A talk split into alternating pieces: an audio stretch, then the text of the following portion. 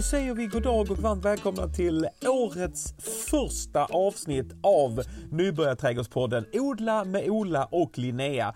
Detta är alltså avsnitt eh, 19 och tanken är att vi ska vara som någon slags eh, audiell eh, bondepraktika som ska leda din trädgård mot total fulländning. Hur är läget med Linnea så här efter vinteruppehållet? Jo tack, det är bra. Lite blek, men annars är det bra. Hur är det med Ola? Vi, inte heller här har vi installerat något eh, solarium tyvärr, utan det är, man är nästan som transparent i huden ju. Ja, fy. Ja, exakt så är det. Man får, gå ut, man får gå ut och ta ett ryck i trädgården och så liksom kladda ner sig lite så man får lite liv på kinderna. Mm, lite rosor på kinderna. Oh, det vill vi ha. Mm. Ja, du då? Har du fullt upp i vinter-OS eller? Ja precis, vi har, ju, vi har ju av eh, någon slags princip bestämt att vi inte ska köpa fler eh, sportkanaler. Men så var det lite finaler här så vi bara kände att vi kan inte missa det. Så nu köpte vi ändå kanalen, så nu sitter hela familjen bänkad och bara följer det slaviskt. Ja. Men jag tänkte på en grej, alltså så här OS-tider, eh, alltså finns det några ordentliga alltså, trädgårdstävlingar i Sverige? Nej, det fanns ju tv-program för många herrans år sedan på eh, SVT som heter Trädgårdskampen. Just det är väl egentligen det närmsta vi har kommit, om man inte räknar med till exempel Malmö Garden Show, då, ja. eh, trädgårdsutställningarna där. Då byggs ju jättestora eh, trädgårdar och det finns ju andra sådana arrangemang som också gör så. Man kan tävla med balkonger och studentträdgårdar och sådär. Mm. Men eh, annars mer officiellt där man kan vinna guld, typ SM-guld och sånt, mm. det vet jag inte. Men jag tänker, det borde ju vara, alltså, om det, om, alltså, det borde vara typ så, eh, Sveriges bästa trädgårdskvarter. Mm. Eller hur? Det hade ju varit jätteroligt. Men jag tänker sporten, de, de eh, rankar ju årets sportstad. Så vi kanske ska instifta eh, tävlingen Årets trädgårdskvarter. oh, då kan du och dina grannar sätta igång redan nu då? Vår granne har ju eh, plastgräsmatta. Jag vet inte om det är... Kanske inte högst upp på eh, domarnas favoritlista. Nej, jag ska övertala honom att lägga en naturgräs här så vi kan vara med i competition. Men du, med några månaders eh, distans så undrar man ju, vad ger du din trädgård 2021 för betyg? Det är det som du ville? Jo, men det blev nog som jag ville. Eh, väldigt mycket sommarblommor, eh, mer än vad jag trodde och Eh, det gick väldigt bra för dem. Det gick eh, inget vidare för eh, kronärtskockan. Och Nej, men jag är nog rätt nöjd tycker jag. Är du nöjd med... Förutom att jag sabbar min arm. Ja, just ja, den lilla. Jag skulle ju säga, jag skulle ju säga var du tillfredsställd med din egen insats? Och då tänkte jag gå in lite så i OS-känsla med, mm. alltså hur, kändes kroppen och psyket? Men, men du hade ju problem med armen ja, så det var det kanske att du jobbar för hårt ja, då? Ja, och fick be väldigt mycket om hjälp och var beroende av andra, framförallt min man Kristoffer. Och det, nej, det, 2021 var inte ett bra år nej. rent fysiskt för Linnea Dixon. Det var det inte. Har Linnea Dixon använt vintervila nu till att rekreera sin eh, arm eller har du hållit på med, med blandade småhopp och armhävningar även över juletid? Nej, jag, jag har försökt um, Alltså det, Problemet är ju också att det påverkas ju, armbågen påverkas ju också när jag skriver. Oh. Så det, har ju, det har ju inte varit jättebra. Men jag har börjat um, träna på gym för första gången i mitt liv. Herregud, vad härligt. Mm. Vilken, kör du skulderflexatören eller jobbar du med fria vikter? Alltså jag tränade eh, seniorstarkt tillsammans med massa pensionärer häromdagen. Det var väldigt trevligt. Jag kunde inte gå tre dagar efteråt. Men, eh. jag, går ju, jag går ju på sån här eh, yoga för stela män. och jag har ju sett framför mig hur vi skulle boka plåtmuffinsen Malmö Arena och ha julshow där inne med alltså oss 12 mm. män. Men nu så, så blev det ingenting med tanke på restriktionerna. Men nu har, eh, har Petronella börjat på en sån här eh, hiphop street dance. Mm. Så jag tänker att man kanske kan kombinera de sexåringarna med oss 40-plussare. en... jag, jag köper en biljett direkt. redan, ut, redan utsålt. För att titta alltså. Ja, det är bra. Men du, där hade vi lite utvärdering av din eh, trädgård. Nöjd, förutom mm. rent fysiskt med dig själv. Eh, min trädgårds mm. stora eh, minus har ju uppenbarat sig nu under vintermånaderna. Mm. Jag la ju om, gjorde en uteplats med, oh. eh, med recyclat tegel inifrån huset. Yeah. Var vi lite osäkra på om det var marktegel men nu vet vi att det inte, mm. Inte var det. Utan nu har ju en del av har teglet... Då, ja, gjort det. En del har sprängts. Och då säger min eh, inre självkritiker säger då eh, upp med allt teglet, gör om hela faderullan från början. Malin säger lagt tegel ligger och kompromissen kommer då bli byt ut de sprängda bitarna. Eh, rätt eller fel Linnea? Alltså, jag tycker ju att du tänker rätt där med att göra om allting. Mm. Um, för att nu har ni ju testat att ni uppskattar den här ytan. Det blev ju väldigt, väldigt fint. Mm. Um, så att ni vet att ni gillar det och då kan det ju vara värt att lägga det med marktegel. Men det är ju dels en tidsaspekt i detta och en ekonomisk aspekt. Ni måste köpa detta markteglet och hitta ett fint marktegel som ni trivs med. Och det kanske inte är det lättaste. Um, och sen måste ni ha tid att lägga ut det. Så att jag tänker, ja men byt ut de som är riktigt fula och sen så skulle du ju kunna hålla utkik på Blocket och den dagen ni kan hitta billigt marktegel någonstans. Ja. Då kan ni slå till och sen så kan ni lägga om det. Men att inte hetsa med det nu utan Nej. byt ut de fula och sen um, tänk ja, gör om det när ni har Ja, och det kan också vara bra att, lite hålla på hanen nu i och med att du börjat på gym så kommer du vara stark som en oxe här framåt midsommar och då ringer vi dig och då är det, ja. då blir det mm. super Nej men det låter Absolut. väl som bra att vänta lite med det, det är extremt typiskt. Eh, andra minus i trädgården var ju jordgubbarna felplacerad mm. pallkrage. Mm. Det blev inte en gubbe i år. Gubbar, eller jordgubbar ger ju också bäst det tredje året. Eh, så att de behöver ju få en liten chans att växa till sig om de nu var nya. Okay. Men det borde ju ha kommit någonting, tänker jag. Men vad tror du kan ha varit fel? Var det att det stod för skuggigt eller? Jag tror det var två saker. Det ena var ju att jag blandade ju eh, gödning och jord. Och att jag tror mm. att jag i en av pallkragarna glömde blanda och bara hade gödning. Yeah. För de blev väldigt höga men väldigt mm. få eh, frukter. Så, så det kan ju vara den ena aspekten. Och det andra då är att det stod lite nära buskaget så att det kom nog inte in tidigt med sol. Är min Nej. Eh, killgissning. Vad tror du om min analys? Ja, men jag tror det där med näringen är nog helt korrekt. För att om det blir väldigt stora planter, mycket grönmassa, men ingen frukt så är det nog eh, förmodligen så som du tror. Mm. Um, det är ju därför man ska ju inte gödsla. Ibland tror man att om jag slänger på extra mycket gödsel här så blir det jättebra.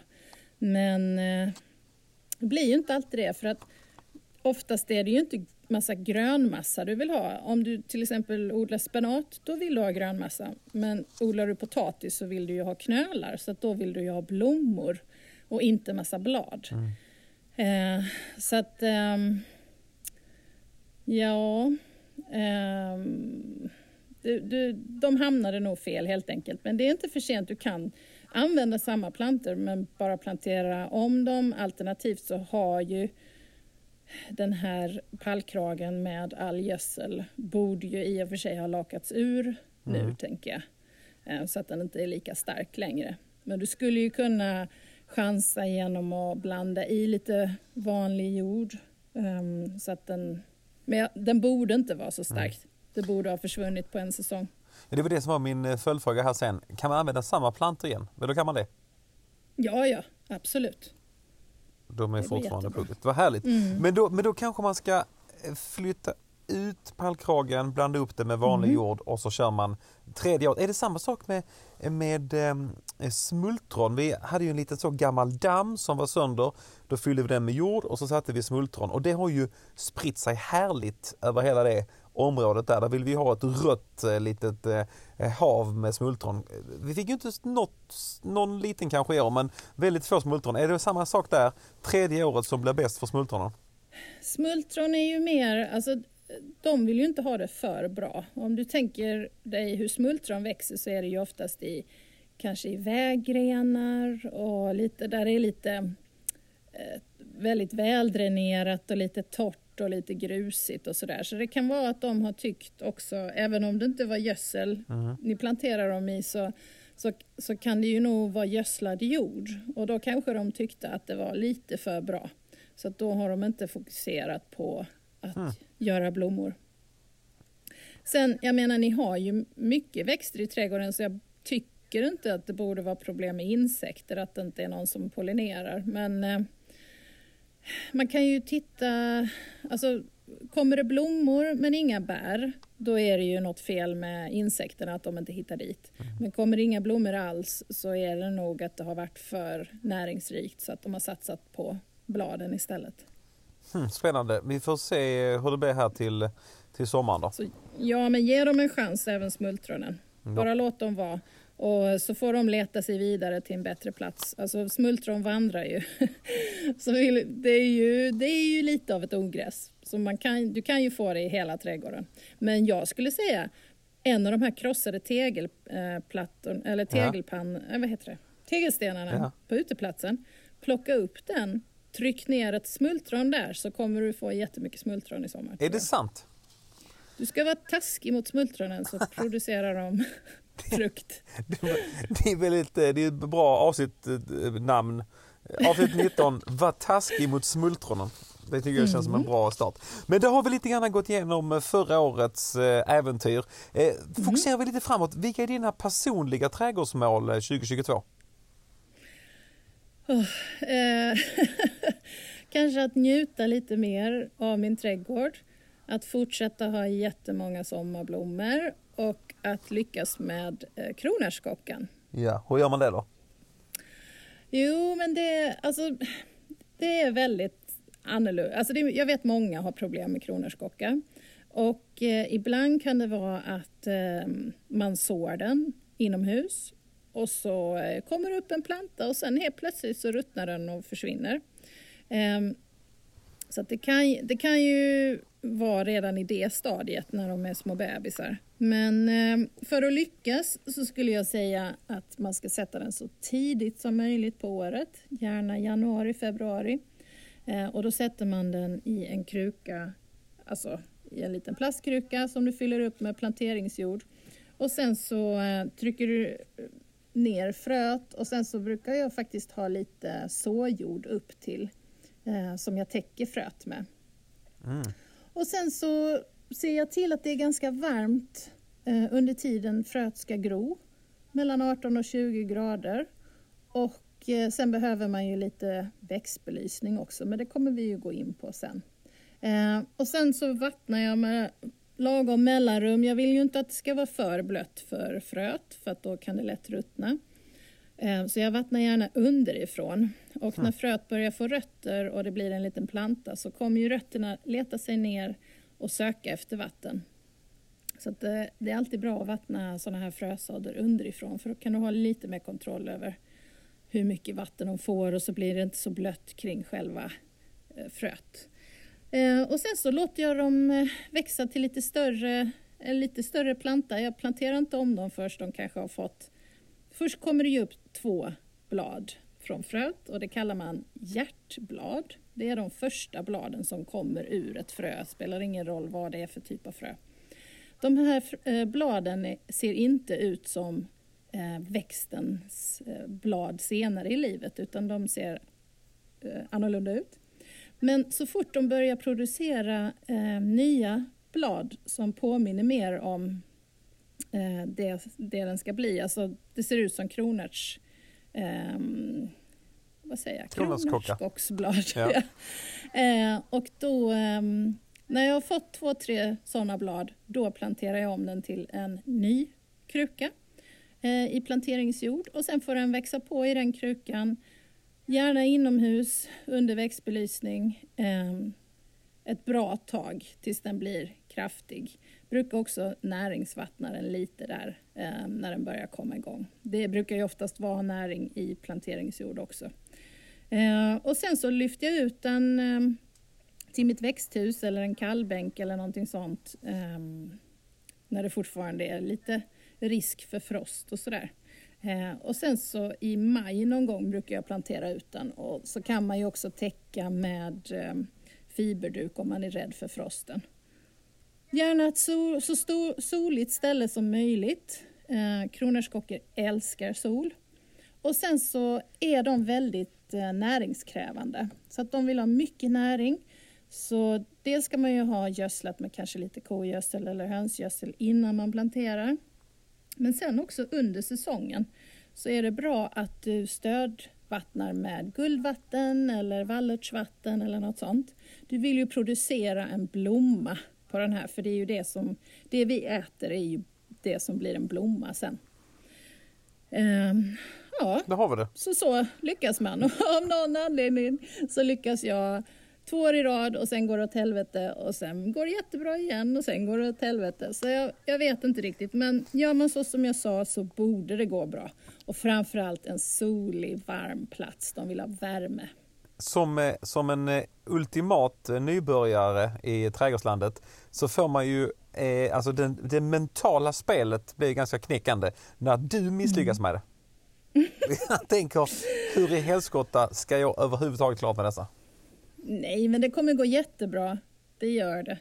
Så länge man... man ehm, alltså det kan ju vara varför jag misslyckas kan vara att jag har varit slarvig med att vattna med näring. Ehm, och sen så tror jag också i, i mitt fall i år, eller förra året, så handlade det nog om att de fick konkurrera ganska mycket med massa eh, rosenskärer. Som jag tycker det är väldigt vackert att kombinera rosenskära och kronärtskocka. Mm.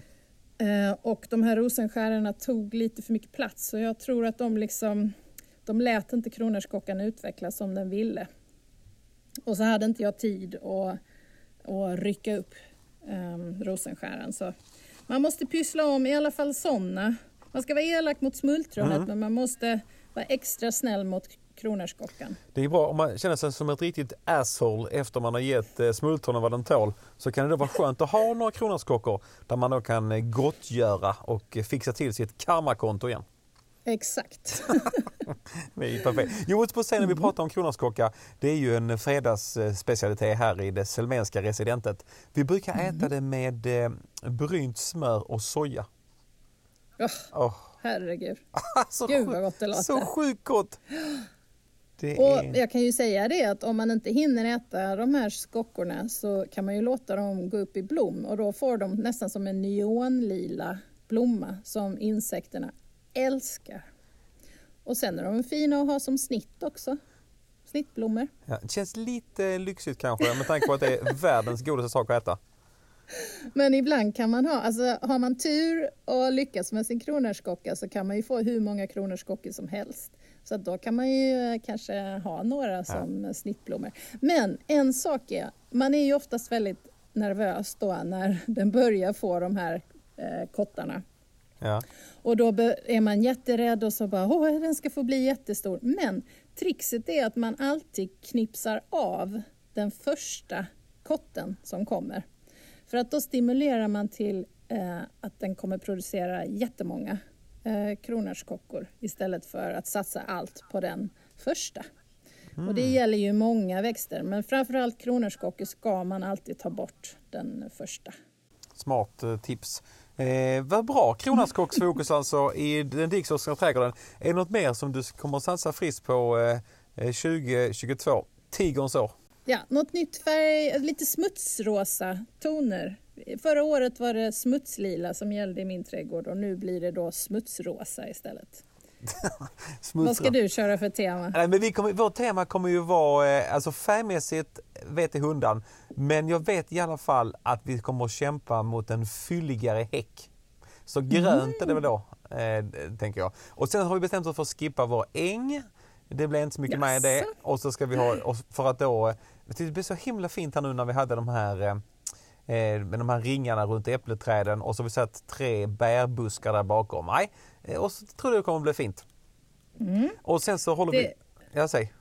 Nej, men jag tänkte alltså om ni ändå vill ha blommor så tycker jag att ni skulle göra ytterligare två ringar så att ni har ojämnt antal, alltså fem. Ja. Ehm, så två nya ringar och sen så planterar ni lite roliga sommarblommor i de ringarna. Ah, och sen smart. kan ni ju bara klippa runt dem.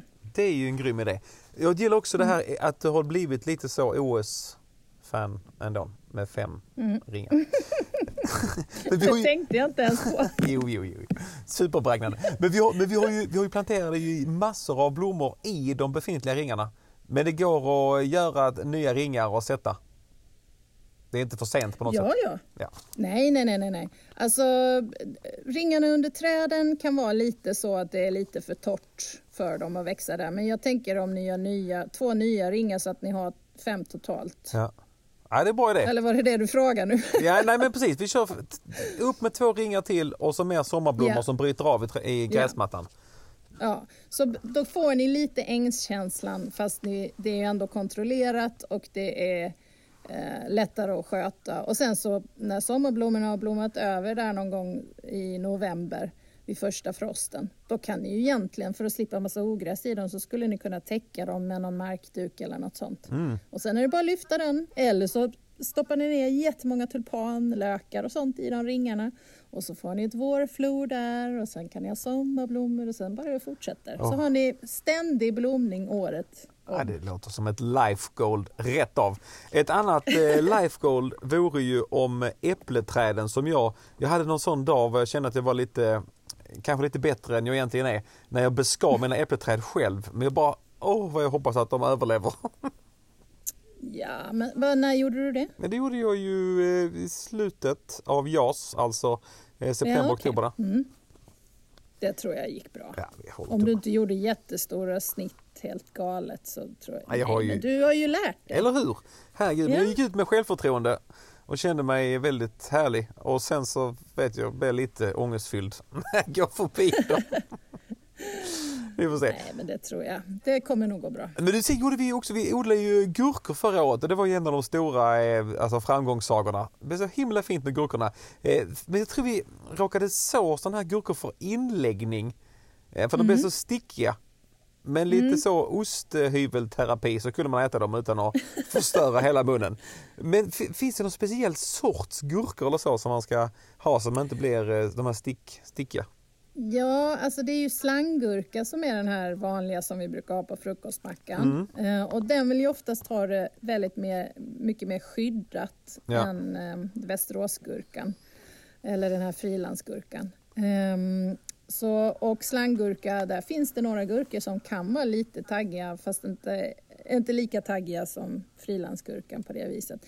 Men så att om ni kan, sätta, om ni kan plantera slanggurkorna på er absolut mest skyddade plats eller att ni kanske ställer för en stor glas, om ni mm. ställer några eh, hinkar med gurkor mot en solig vägg och sen kanske ni bara lutar en glasskiva, ett gammalt fönster eller något sånt mm. över så borde de klara sig där tycker jag.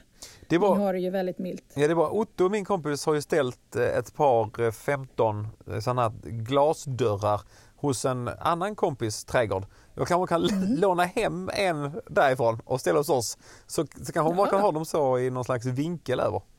Ja, absolut, för det blir ju som ett växthus. Eller hur?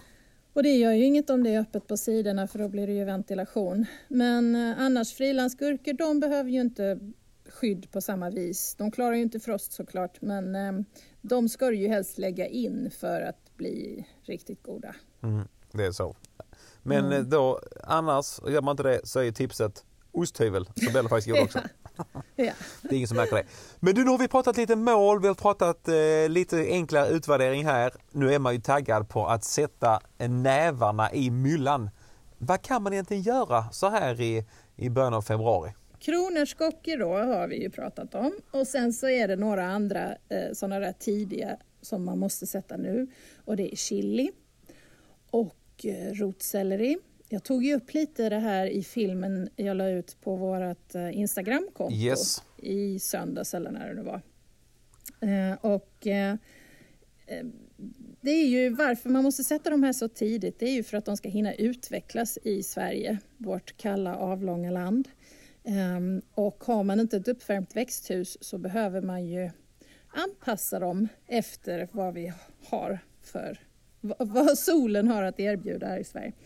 Så det är då chili, paprika, rotselleri, eh, jätteverbena är ju också en sån långrandig sak som behöver lång tid på sig. Eh, och så att de skulle jag säga, purjo kan man också sätta nu. Och då sätter man det i eh, planteringsjord eller såjord och eh, inomhus då, så att man måste ha någon form av stödbelysning för att vi lever ju i ett ganska mörkt land och vi har inte tillräckligt med sol. Även om du skulle ställa sådderna i ett stort fönster så är det inte tillräckligt många ljusa timmar på dygnet just nu för att växterna ska må bra. Så att om man inte har en stödbelysning så kommer det resultera i att växterna blir jättelånga och gängliga och oftast lite bleka och eh, ser allmänt deppiga ut. Man vill ha korta knubbiga växter, mörkgröna gärna. Och det får man genom att ha stödbelysning, antingen eh, med hjälp av LED eller lysrör. Och så finns det massa olika varianter på detta. Och sen så, och så ska man också tänka på att sätta lampan ganska nära sådderna och växterna så att de eh, får så mycket ljus som de behöver så att de inte behöver sträcka sig. Och jag brukar ställa en timer så att de har ljus i 14 timmar eh, per dygn. För det är, det är ungefär så mycket de behöver för att växa och gro.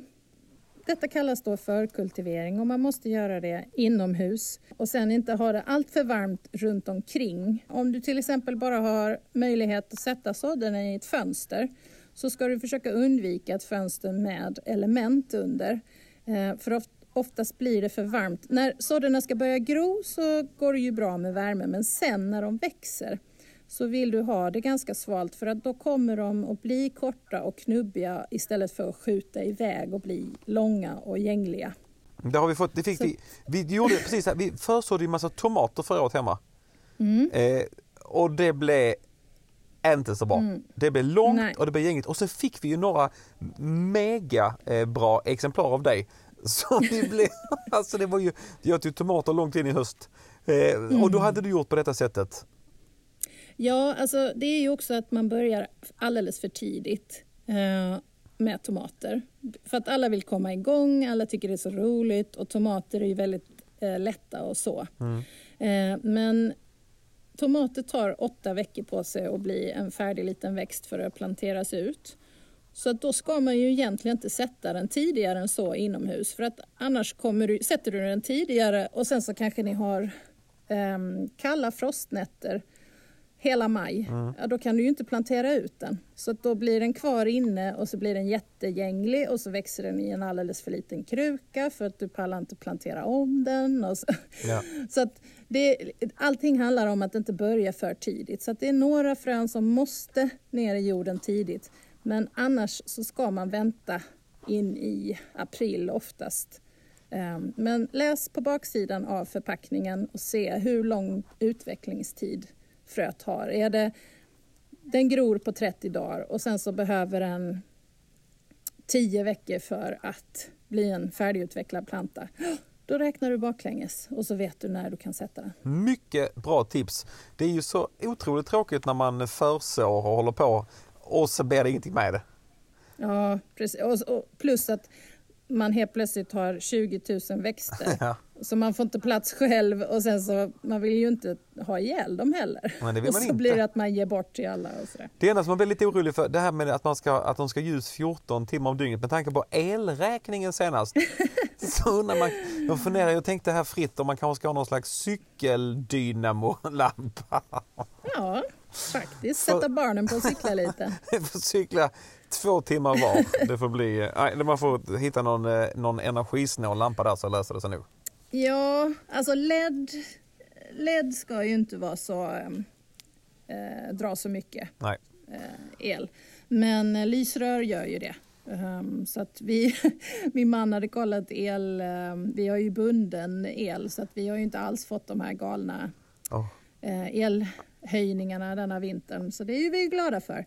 Men han kollade bara för skojs skull hur vår elförbrukning mm. ser ut och under januari, februari, mars så är det jättemycket el. Aj, aj, aj. Och, det, och det är ju för att vi odlar så mycket inomhus. Ja. Ni får köra, hoppas att ni kan göra en sån lifetime bindning av eh, elpriset. Oh, så ni reder ut det. Ja, det är härligt. vinnarvägen. Men du, då har vi lite, lite tips här vad man kan odla igång. Eh, om man kan man redan nu till helgen om det blir fint väder gå ut och ge lavendeln vad den tål eller hur funkar det? ja, alltså jag brukar vänta med lavendeln lite grann i alla fall. Eh, bor man där det är väldigt milt, där man inte brukar få så mycket långa eh, iskalla veckor med många, många minusgrader, då kanske man kan börja Nej, jag hade sagt vänta för gössorna. Mm. Vänta till mars ja. minst. Vänta till mars. Och, ja, och, eh, och då ska man ju ge den en ordentlig omgång. Men det kan vi ta, ja, det tar vi då. när det närmar sig. Men annars, det man kan gå ut och göra. Eh, gräsmattan hade mått jättebra av en ordentlig räfsning. Rafsa upp alla pinnar och kottar och grejer sen stormen Malik.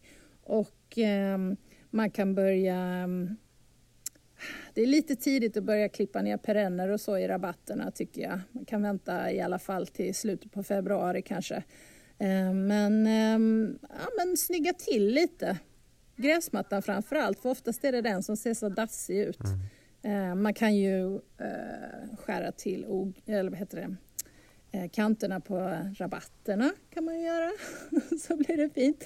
Och är det milt så kan man ju ogräsrensa och ju tidigare man börjar med ogräsrensandet desto mindre ogräs måste du eh, plocka och rensa under resten av året. Finns, man ska nu ha en sån liten lapp på ryggen, typ det är, det är inget fel på mig eller något sånt om man går ut och sitter och rensar ogräs i februari så finns det ju en risk att grannen kan eh, liksom undra mm. lite. Men det, men det är alltså så, det gäller att börja tidigt med ogräsrensningen. Ja.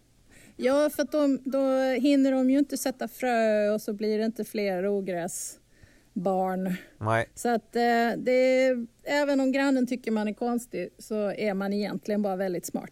Perfekt. Dessutom är det, är det psykologiska trädgårdskrig mot grannen så sprider man också en viss eh, osäkerhet och känner att kolla här nu, nu är de på hugget. Men jag tänkte på det här med, med eh, gräsmattan. Vi har fått sådana små jordhögar i trädgården, eh, alltså på gräsmattan under vintern. Är det någon slags eh, covid covid-mutation vi ser oss framför oss förstöra gräsmattan eller är det någonting Nej. som är helt normalt? Alltså detta är ju de små maskarna mm. som tittar upp. Så att de, eh, det är ingen fara utan de är snarare våra vänner och ventilerar eh, gräsmattan så att den får eh, så att den växer och blir snyggare. Så att jordhögar är ingen fara. Nej, vad skönt. Och, och går du ut och räfsar så räfsar du ju bort dem. Mm, det är bra. Det är bara jord. Ja, jag har sagt till barnen, ni får inte gå på gräsmattan för den har blivit eh, förpestad. Nej det har jag inte. Men, det var, men då var det, det var bara helt eh, normalt det alltså. Jag tänkte häcken, ja. vi har ju tänkt jobba vidare här med vår förtätning av häcken. Är det lite håll, håll på hanen även när det gäller eh, eh, eh tuktning av häck eller kan man köra igång med det så här innan sportloven?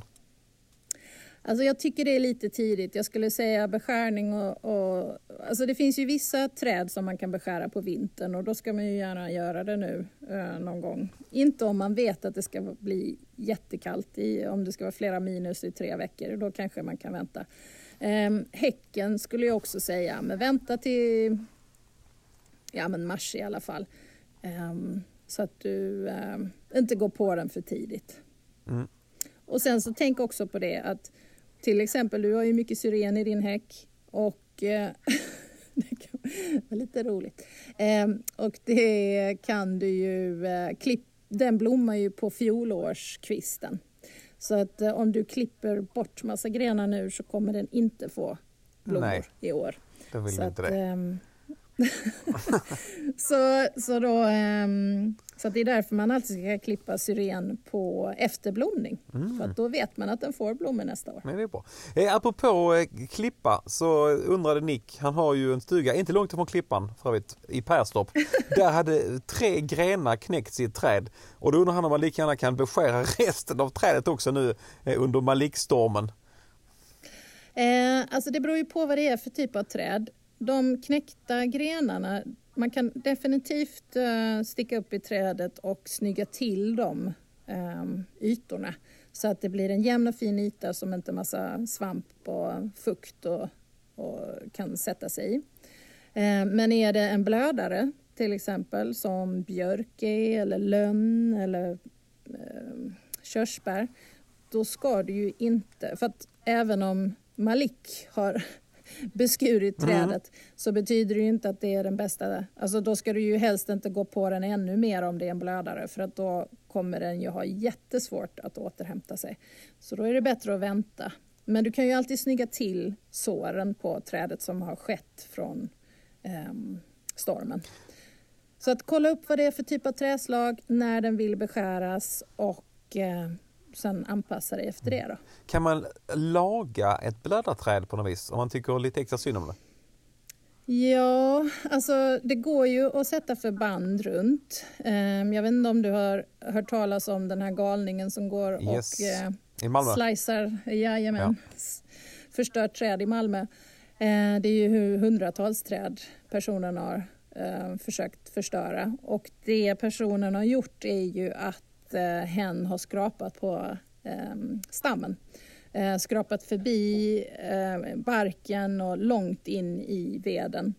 Och eh, då kan det ju bildas massa olika svampar som kan, eh, och bakterier och sådär som kan ta död på trädet. Så det man kan göra, det är ju inte alltid det funkar, men har man en blödare som till exempel ett, ett plommonträd som har skadats i stormen, eh, då kan man eh, sätta ett litet förband och då är det oftast eh, bara en svart sopsäck, klipper ut en bit och sen lite silvertejp och tejpar upp över såret. Och så får eh, såret, då blir det liksom inte uttorkat utan då det blir lite som att man eh, hjälper den att eh, eh, föra vidare vatten och näring. Mm. Sen, det, sen, kan det ju bli eh, fuktigt under det där förbandet så att det blir massa mögelangrepp och sådär. Så, så det är lite olika. Förr så använde man ympvax och smeta på och det kan man ju också göra. Men eh, jag har varit med om, om just körsbärsträd och plommonträd som har skadats i en storm. Skadan har varit för stor så, eh, och även fast man har försökt att rädda den så har det, ja, man har fått ta ner hela trädet till slut för att eh, det är blödare. Men eh, det går ju att testa. Jag, jag har också testat med att sätta mossa på såret mm. och så plastpåse över. Och det har faktiskt hjälpt. Lite så Ronja Rövardotter. Precis. har du problem med trädgården, kolla på Ronja Rövardotter och ta efter. Då har vi sanningen. Nick undrar också vilka träd som står bäst i stormen med tanke på Malik här. Vilka har längst eh, rötter? Mm, alltså träd har ju, dels finns det ju pålrötter som är en rak rot som letar sig neråt och sen så finns det ju, gud nu kommer jag inte ihåg vad de andra rötterna kallas, men de letar sig utåt istället. Och ofta så har ju ett träd, om du tänker dig en ek mm. eh, med sin vackra stora krona, om du tänker sparbankseken. Mm. Den kronan motsvarar rotsystemet under. Okay. Så det brukar alltid vara ungefär lika stor som kronan är om man inte har hållit på att beskära kronan en massa. Eh, och ja, vad är bäst? Det är svårt att... Alltså har du ett träd som har ett eh, rotsystem som sträcker sig långt Ja, den kanske kan förankra trädet på ett bra sätt för att det är så brett men samtidigt välter den och det blir en rotvälta. Då river den ju upp ett väldigt stort område.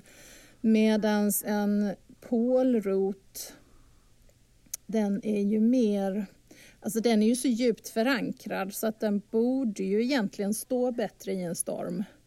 Ehm, men jag är inte tillräckligt, Nej, inte helt jag har inte tillräckligt bra kunskap för att, för att veta. Nej, men, men kom, man kan ihåg från stormen Gudrun, då var det ju eh, granskog och så som, som mm. rök främst. Ju. Så det kanske vi kan ja. slå fast att det inte är det mest ståsäkra i storm, stormtider i alla fall.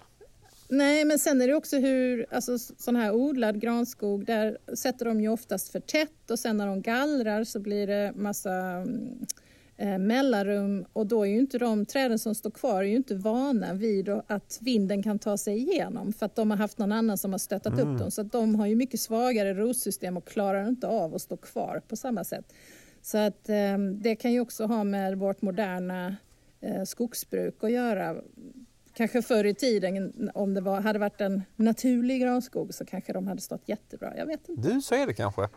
Ja. Det kan vara så. Vi spekulerar friskt, friskt här i, i trädernas, trädens rotsystem. Eh, en annan fråga. Är det för sent att plantera vår och sådana midsommarblommor nu? Nej, nej, nej, nej, absolut inte. Alltså det beror ju på vilka du menar. Um, Men tänker du på presskragar eller vad tänker, är midsommarblommor för dig? Nej, men jag tänker på att någon kommer här nu, slår på Nybörjarträdgårdspodden och känner aj, aj, aj, kylarspray. De pratar redan om lukning och hela faderullan. är det chanslöst måste jag sikta mot 2023, men då bara rent generellt. Nej, det är lugnt. Det, det är godan ro.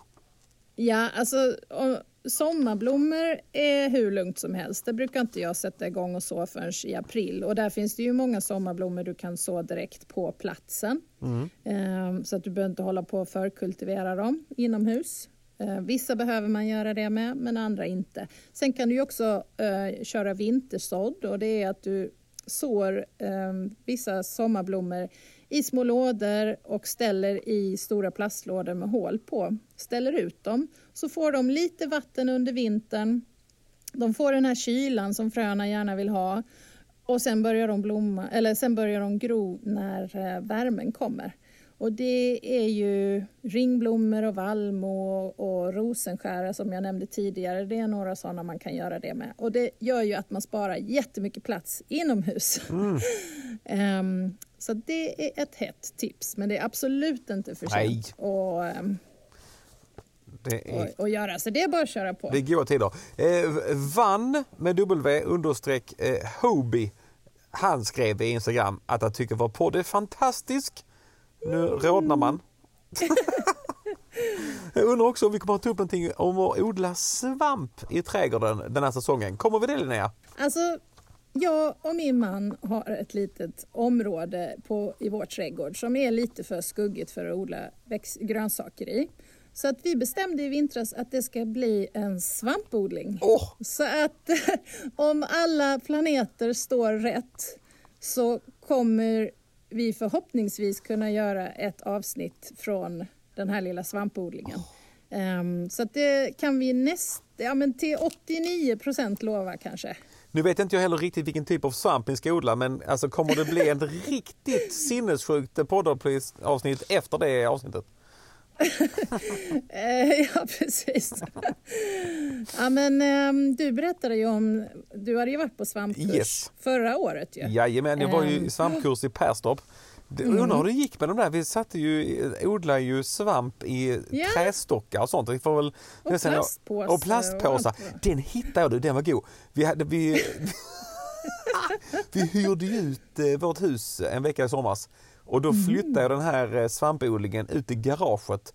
Och nu när vi skulle mm. åka lite skidor, då eh, var jag i garaget och letade. Och då låg den svampodlingen. Eh, det hade dock hållit sig i plastpåse. Men det var helt vit, så nu gjorde jag hål och vi får se om det går. det kanske blir färdigt lagom till The Magic Mushroom avsnitt när vi är klara med det. Ja, men det hade varit roligt att kunna jämföra lite och kanske vad du fick lära dig. Ja. Sådär. Ja, det är, mm. det är ju en dröm såklart att kunna ut och eh, hämta ostronskivling i trädgården. Oh. Oh, oh, oh. Supersmarkt. Men vad himla Nu har vi ju snackat på här en, mm. en bra stund Linnea. Ska vi mm. känna oss nöjda här med detta? Nu är vi igång. Vi har fått lite uppgifter, kronärtskocka, ingen är för sent ute med någonting. Kratta gräsmattan, eh, klipp till den lilla rabattkanten. Eh, mm. vi, vi, känner att vi är lite, lite redo, eller hur? Ja, och sen skulle jag vilja säga att det är så roligt med alla som eh, skriver på Instagram och som kommenterar och ställer frågor. Det tycker vi jättemycket om och framförallt att ni tycker att vi att vi gör någonting bra. Det känns så himla roligt. Ja, verkligen. Vi hjälps Vi är ju som ett audiellt stödhjul här. Någon slags eh, variant av bondepraktikan där man, där man försöker tillsammans hjälpa oss eh, genom eh, trädgårdsåret med ett stort leende på läpparna. Eh, Instagram finns vi ju och där heter vi ju Odla med Ola och Linnea och då får man gärna följa oss och så får man gärna prenumerera på vår lilla podd och så tillsammans ska vi ha så kul vi bara kan i trädgården, eller hur Linnea? Ja. Så himla gott. Vad ska du göra för roligt nu? Eh, ja du, jag kanske ska sätta igång med de där jäkla sådderna som jag säger till alla att de ska börja med. Jag har inte hunnit själv så det blir nog något sånt ikväll. Ja det låter bra. Eh, igång med sådderna och så, ja, jag ska ju gå ut och dubbelchecka hur det går för mina påskliljor. Är det krokus eller är det påskliljor? Jag kommer att sitta där och, och vaka på en liten stol. Ja, det låter bra. Ja, vad härligt. Men det var himla roligt att vi är igång. Vi hörs ju strax igen i den här podden. Tack för att du har lyssnat. Mm. Hej då! Hej hej!